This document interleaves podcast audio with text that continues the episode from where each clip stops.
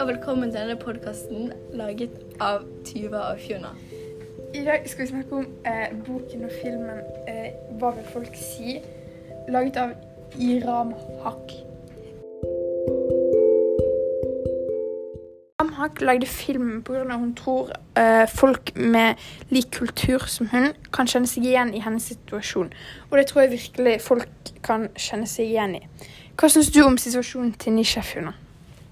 Jeg tror at den situasjonen til Nisha kan være noen enkelte folk finner seg igjen i, men jeg tror ikke det er så mye i Norge. Men det kan hende folk gjør det i skjul. Tuva, hva tror du meningen bak tittelen 'Hva vil folk si?' betyr? Jeg tror meningen med tittelen 'Hva vil folk si?' er at Nisha er redd for å bli dømt av venner og familie, og liksom er redd for meningene til folk. Da når Nisha og faren var hos barnevernet, når de skulle snakke sammen, så tror jeg at faren var veldig redd for hva Nisha skulle si. Om hun skulle lyge eller liksom være på farens side. Men jeg tror barnevernet skjønte litt hva, at det skjedde noe, siden hun, de ville at faren skulle gå ut. De ville snakke med Nisha alene. Men da ble jo faren sur. For han var redd for at Nisha skulle si noe galt eller noe sånt. Hva syns du, Tuva? Ja, jeg syns det er det samme, men jeg syns barnevernet kunne gjort liksom en litt bedre jobb, da. Men tilbake til Nisha og faren sitt forhold. Det er et veldig komplisert forhold der faren til Nisha ville det beste for henne, men han gjorde det på feil måte. Men i deres kultur er det den riktige måten å gjøre det på.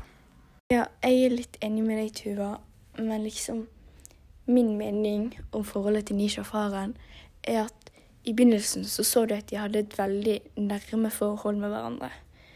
Men liksom utover, da når Nisha hadde fått seg kjæreste, han Daniel, så trodde jo faren at de hadde hatt samleie. Og da ble han klikket og liksom begynte å banke på Daniel og slå han og liksom sånn. Og da ble liksom Nisha redd, men etter det så har forholdet deres blitt helt annerledes. Ja, det samme tenker jeg med moren, fordi i begynnelsen av filmen så var hun snill og kjærlig og sånt, og det så man jo på den familiefesten de hadde. Men etter det skjedde, så sa jo moren til Nisha at hun skulle ønske hun var dødfødt, og moren skulle gifte Nisha vekk. Fra moren sin synsvinkel så var Nisha bare en tispe etter alt galskapen hun har gjort. Og liksom hun mente at Nisha skulle gifte seg med han på FaceTime på slutten av filmen. Men Nisha ville egentlig ikke det. Ja, nå når vi er inne på forholdet til familien, så hadde jo Nisha et ganske bra forhold til lillesøsteren. Fordi lillesøsteren var jo glad i Nisha. Mm, men storebroren gjorde bare alt det faren sa han skulle gjøre. Nisha hadde et litt annerledes forhold med vennene sine enn det fleste jenter på hennes alder har. Fordi at hvis hun skulle ut og ha det gøy med vennene sine på fest, eller noe sånt, så kunne de bare, de norske kunne bare gå på fest, for de føler seg trygge. Foreldrene føler seg trygge på ungen sin.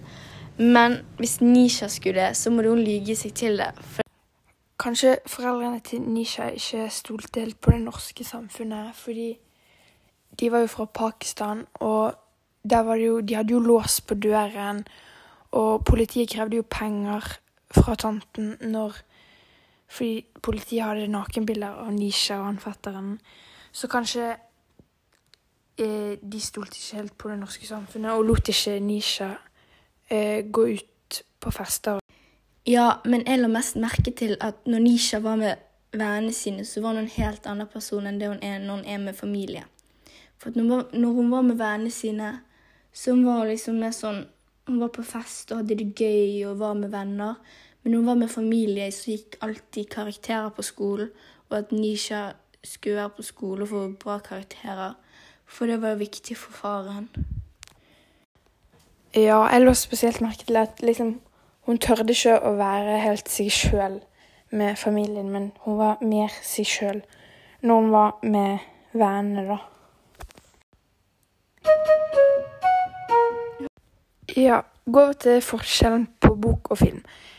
Jeg syns boken gikk mye fortere enn filmen, fordi i boken så eh, hoppet de liksom fra sted til sted, så liksom plutselig så var de et helt annet sted, da. Men i filmen så var det liksom pauser, og de liksom bare viste liksom, Det skjedde ikke så mye sånn hele tiden, da.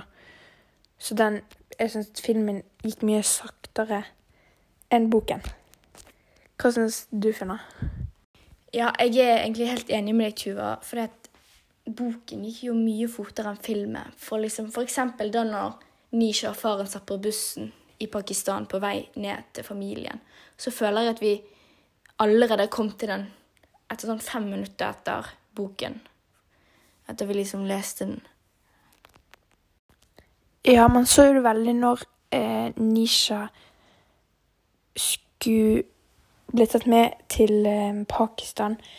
Så i boken så tok det mye kortere tid, da, skulle si, til eh, hun var i Pakistan. Men i filmen så så man liksom Det, det var liksom lengre i filmen. Så det var liksom kortere i boken, da. Ja, boken kom ut etter filmen, så filmen kom først, og så kom det en bok. Ja, men jeg foretrekker filmen, for i filmen, når du ser på film, så føler jeg at du er liksom inne i en egen boks, så du fokuserer bare på filmen. Og det blir mye enklere å huske. Men i boken så føler jeg det blir litt sånn vimsete. Ja, jeg likte best filmen, fordi da, liksom, da ser du bilder, og da liksom er det enklere å se det for deg, da. Så du liksom skjønner mer av ja, det.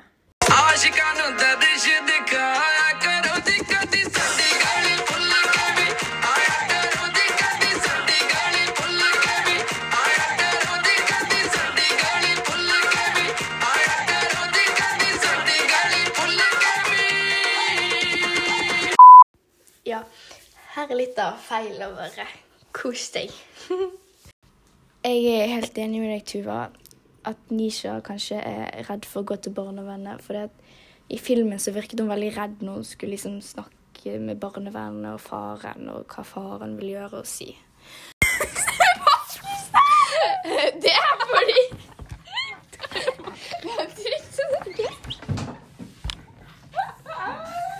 Og farlig i Pakistan. Og vi kan ha traumer.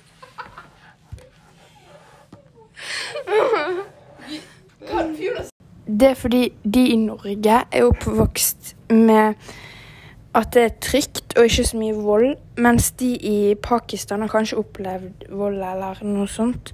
Og noen er traumatisert. Og ja, og da blir det sånn. Mens de i Norge har det trygt, mens i Pakistan er traumatisert. Ja, men det jeg lå spesielt merke til, er at